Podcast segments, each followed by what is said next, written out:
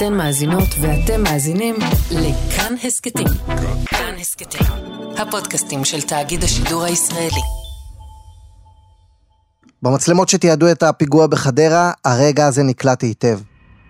בשיא מסע הרצח, אחד המחבלים עוצר, מוריד את המעיל, ועל החולצה יש לו סמל מערבי, גולגולת, מתוך סדרת הקומיקס המעניש של מארוול. ברגע הזה היה ברור שהפיגוע הזה קשור בדאעש.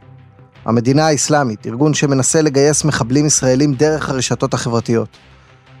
חשבנו שהקואליציה של מדינות המערב הצליחה להביס את הכנופיה הזאת, אבל בשבועות האחרונים היא מרימה ראש כאן בלב ישראל. שלום לכם, אתם מאזינים לעוד יום, אני עקיבא נוביק, והיום נדבר עם פרשנינו ערן זינגר ורועי שרון על ארגון הטרור שפועל בעיקר בדיגיטל, ועל הקושי למנוע מצעירים ערבים ישראלים להצטרף לשורותיו. ערן זינגר הוא פרשן ותיק לענייני החברה הערבית, מגיש התוכנית מרחבת, כאן ברשת ב', שלום לך ערן. שלום.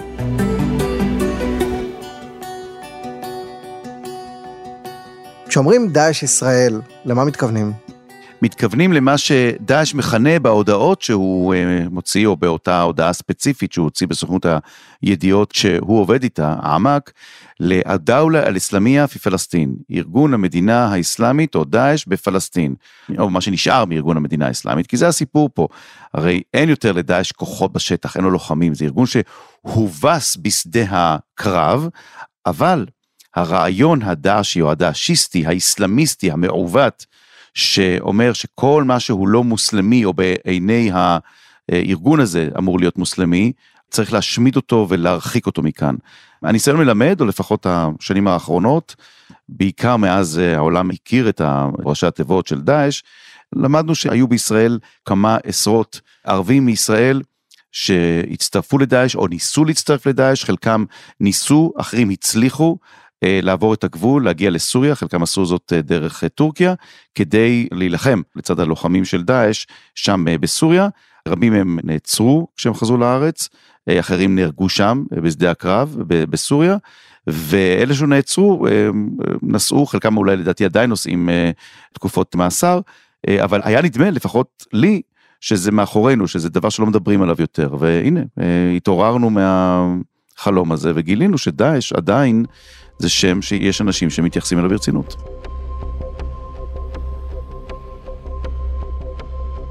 וכמה זה פופולרי? כמה זה באמת מצליח לעשות נפשות בקרב הציבור הפוטנציאלי? אני עושה הפרדה או הבחנה בין כמה זה פופולרי להצטרף אקטיבית לדאעש בקרב הערבים בישראל ולהילחם בשורות הארגון, לבין כמה זה פופולרי לצפות בסרטונים של דאעש בין אם הם צולמו כאן בארץ בפיגועים או מחוץ לישראל, ולומר, mm, אני יכול להזדהות עם זה. וואלה, כל הכבוד לו. וואלה, זה בטל, זה גבר, אני רוצה להיות כמוהו. אבל זה לא אומר שאני אעשה את זה. אני חושב שיש פופולריות, יש לסרטונים האלה פופולריות, יש לרעיון הדאשיסטי פופולריות בקרב מוסלמים. זה לא עניין של ערבים בישראל, זה עניין של מוסלמים במזרח התיכון ובעולם כולו, בעיקר באירופה. מוסלמים צעירים, הדור הצעיר, הדור שמרגיש מתוסכל, ועוד פעם, אני לא אומר דור שקיפחו אותו, אלא מרגיש מקופח, מרגיש שלא, שלא מקבל את מה שמגיע לו, לא מהמדינה שלו, שים לב למה שאני אומר, ולא מהמשפחה שלו, ולא מהסביבה שלו. ויש לו משהו להוכיח, יש לו איזה משהו שהוא צריך לנקות מהמצפון שלו. וזה המכנה המשותף של דאעשיסטים, בין אם הם פעלו בדמשק, או בחלב, או באיסטנבול, או בברלין. ועכשיו גם פה, זה רעיון מעוות שמצליח להגיע לאנשים שיש להם פרופיל מאוד מאוד מסוים, שמקבל את הרעיון המעוות של האסלאם כפי שהם רואים אותו, או כפי שהם מעוותים אותו. וזה האתגר הגדול אגב, של הממסד הדתי גם, לא רק הממסד הפוליטי, אני לא יודע אם שמת לב עקיבא, אבל אחרי הפיגוע בבאר שבע ואחר כך הפיגוע בחדרה, הממסד הפוליטי בישראל הערבי, הפוליטיקאים הערבים, גינו בצורה חריפה ביותר את הפיגועים האלה. חובתנו הראשונית לצאת, לגנות את הפיגוע הנתעב הזה. ולנחם את המשפחות ולאחל החלמה ל... אבל גם דתיים, גם אנשי דת מוסלמים גינו, אבל הם גינו בעיקר מחשש הם נמצאים בקונפליקט עם, ה, עם האנשים האלה, קונפליקט דתי. הם מנסים עכשיו לומר לציבור שלהם, תראו, זה לא אסלאם. אבל לך תנסה לשכנע את הצעירים האלה, שהסרטונים האלה, שהפעולות האלה של דאעש, הן לא מה שהם צריכים לעשות כדי להוכיח את הלאומיות שלהם, כדי להוכיח את הכוח שלהם, כדי להוכיח את הרלוונטיות שלהם. הביטוי אה, של האידיאולוגיה הזאת זה מעשה רצח נפשע. אנחנו כחברה ערבית אה, לא רק שמגנים, אלא מוקיעים את התופעה הזאת, שלא מייצגת אותנו, ואני תמיד מזכיר ש-98 אחוז וזאת בעיה מאוד גדולה שאני, אתה יודע, אני מדבר עם, גם עם פוליטיקאים ערבים וגם עם אנשי דת מוסלמים, והם לא יודעים לתת לי תשובות, אני שואל אותם, תגידו, איך מטפלים בזה? ולא יודעים לתת לי תשובות, אין להם תשובה חד משמעית איך מטפלים בזה. ואני חושב שזו הסכנה הגדולה ביותר כרגע של איך עוצרים את זה. אתה יודע, גם דיברו באום אל-פחם, אחרי שנודע שאנשי הדאעש הם באו מתוך העיר אום אל-פחם, אה, היו דיבורים על תאים רדומים. נשאלה, אולי יש עוד כאלה? אולי הם מחכים, מישהו לחץ על איזה כפתור וזה מפעיל אותם מחדש. אבל אני טוען שזה פחות מורכב מזה. אני חושב שהתשתית של הסושיאל מדיה, של ההסתה ברשתות, בין אם יש להסתה הזאת נימוק של הנה אוטוטו הולכים לפגוע באל-אקצא, מה שלא היה בסיפור הזה, לא היו טענות כאלה, או תראו מה עושים לעם הפלסטיני המקופח בעזה, מה שלא קיים, קיים הפעם, אלא להפך, יש עכשיו הקלות בעזה והמצב הכלכלי בעזה משתפר. כאילו אין נימוק אמיתי לצאת החוצה לפיגועים נגד המדינה היהודית או נגד יהודים, אלא פשוט אווירה שמלבה ומתלבה, או נקרא לזה, מלבה את עצמה באותם סרטונים שבעיקר צעירים חשופים אליהם.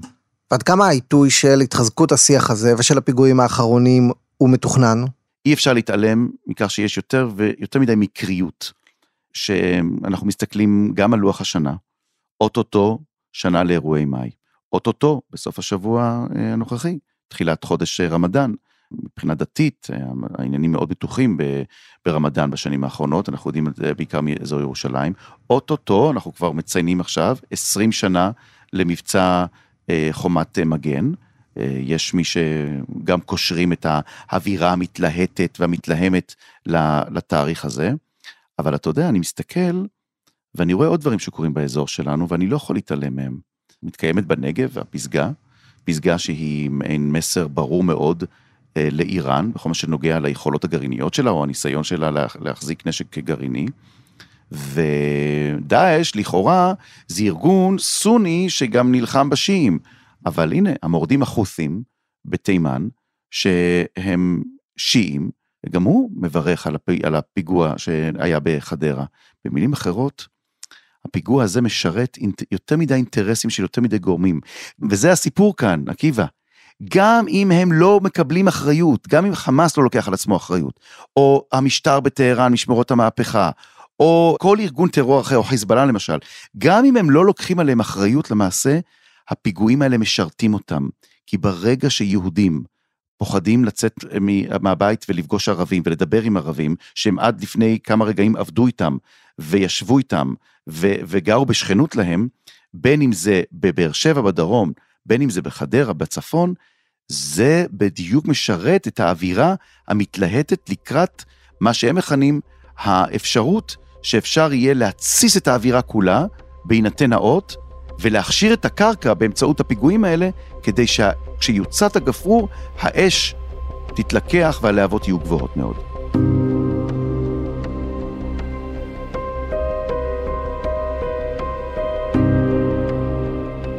ויש את הסרטונים ואת אה, זרוע הדיגיטל שמאוד אה, מאפיינת את דאעש מהרגע הראשון, וגם בפיגוע בחדרה ראינו עיסוק בגימיק. לבשו חולצות עם דמות המעניש ממרוויל. זה עדיין חשוב להם. חשוב להם המיתוג שלהם בקרב הקהל שהוא הפוטנציאל שיכול אחר כך ללכת ולעשות את אה, פעולות החקיינות, לחקות אותם. נכון. אגב, בלי הסרטונים האלה דאעש לא היה קיים. בלי ההפצה המטורפת של הסרטונים האלה, אה, דאעש לא היה קיים. תאר לך אם לא היו מצלמות אבטחה אתמול שם, בפיגוע, או שמישהו היה מצליח אה, להניח את ידיו על הסרטונים שראינו, המזוויעים של הפיגוע, גם בחדרה וגם בבאר שבע, אני חושב שדאעש היה נוחל כאן תבוסה לא פשוטה, כי מבחינתו אין ערך לפיגועים האלה אם אתה לא מראה אותם, אם אתה לא מפאר אותם, אם אתה לא מראה למישהו שמאמין בארגון הזה, שהוא יכול לקחת, לחטוף נשק מחייל ולרסס ולירות עד שיהרגו אותה, אבל לא משנה, העיקר שהוא עושה את הפעולה הזאת. כל מה שעומד בבסיסו של הרעיון של אני גבר, זה לקחת את הנשק הזה, גם אם אני יודע בסופו של דבר שיחסלו אותי. והשאלה שנשאלת כאן, עד כמה מודעים לזה אצלנו? עד כמה יודעים אצלנו מה כוחם של הסרטונים האלו, מה, או מה אפשר לעשות כדי למנוע את ההפצה של הסרטונים האלה. אתה זוכר אולי את uh, פיגועי הדקירות בירושלים, קראו לזה פיגועי המספריים, נכון? שתי נערות פלסטיניות, בנות 14 ו-16, משתוללות עם מספריים, ודוקרות פלסטיני בן 70 מבית לחם. אחת מהן חוסלה, אחרת... היו הרבה מאוד אירועים של אה, דקירות בירושלים, ומה שהזין אותם, הדלק של אותם פיגועים, כל פיגוע תודלק על ידי הפיגוע שקדם לו, על ידי סרטון של פיגוע שקדם לו. והחשש שלי הוא שהפיגוע שראינו בחדרה, מתדלק כבר במוח של המפגע הבא, של המחבל הבא, שאומר, גם אני רוצה להיות כזה. גם אני אולי אלבש את, ה, את הווסט הזה עם הכיתוב ועם הגולגולת של מארוול. וזו הסכנה הגדולה, החקיינות, כי אתה, אתה לא יכול באמצעים לא יומינטיים ולדעתי גם לא סיגינטיים, כלומר לא, לא באמצעים מודיעיניים פשוטים אפשר בכלל להתחקות אחר אותם חקיינים. וכאן החשש הגדול.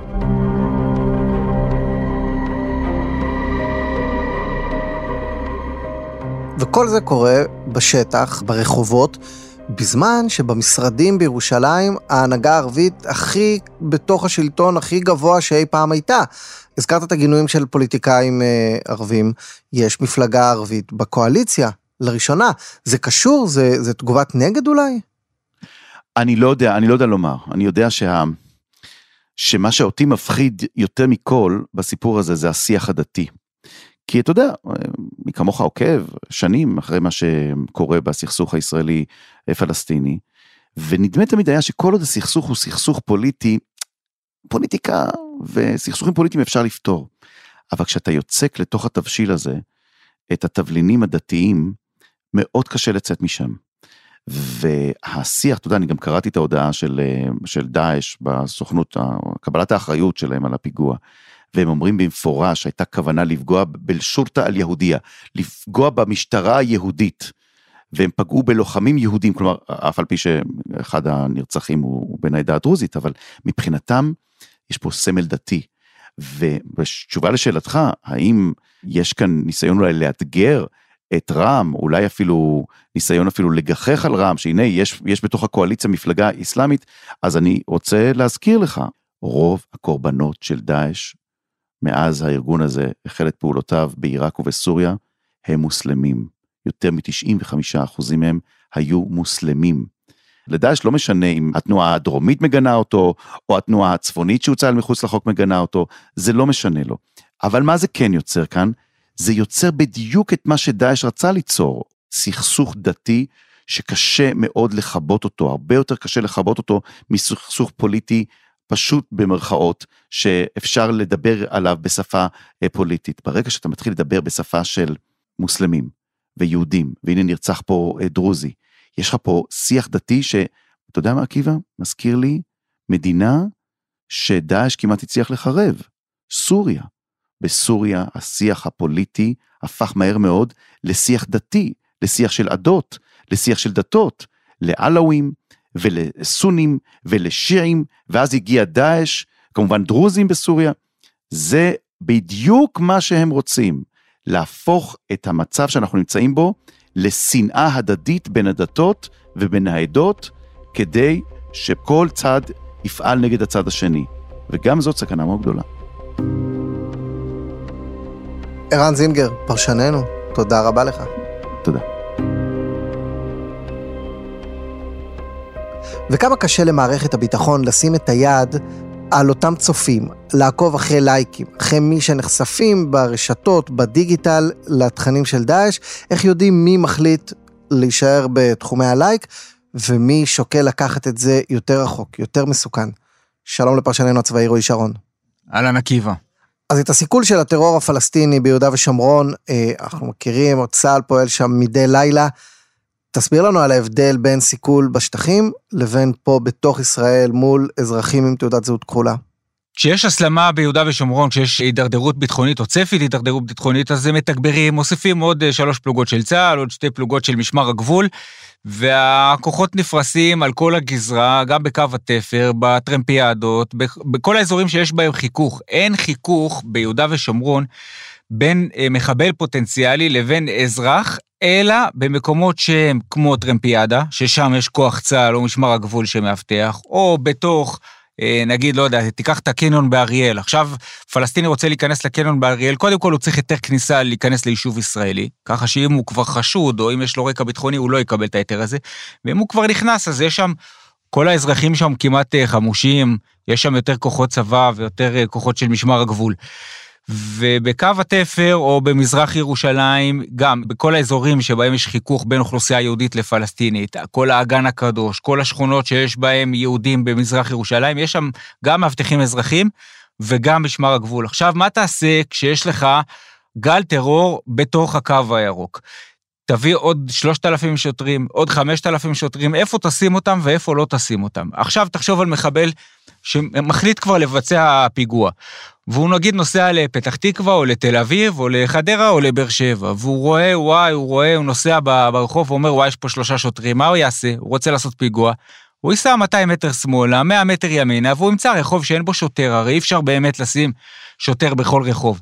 והבעיה הנוספת היא שפלסטינים ביהודה ושומרון, שהם רוצים להיכנס לתוך uh, הקו הירוק, הם צריכים היתר. יש עכשיו אני חושב, קרוב ל-100 אלף פלסטינים שמחזיקים בהיתר כזה, יש עוד 40 אלף שוהים בלתי חוקיים שהם, ראינו מעורבות שלהם בפיגועים, אבל הם בעיקר באים בשביל הפרנסה והם לא רוצים לאבד את ההזדמנות הזאת להרוויח כסף, והם צריכים לעבור את, ה... את גדר ההפרדה.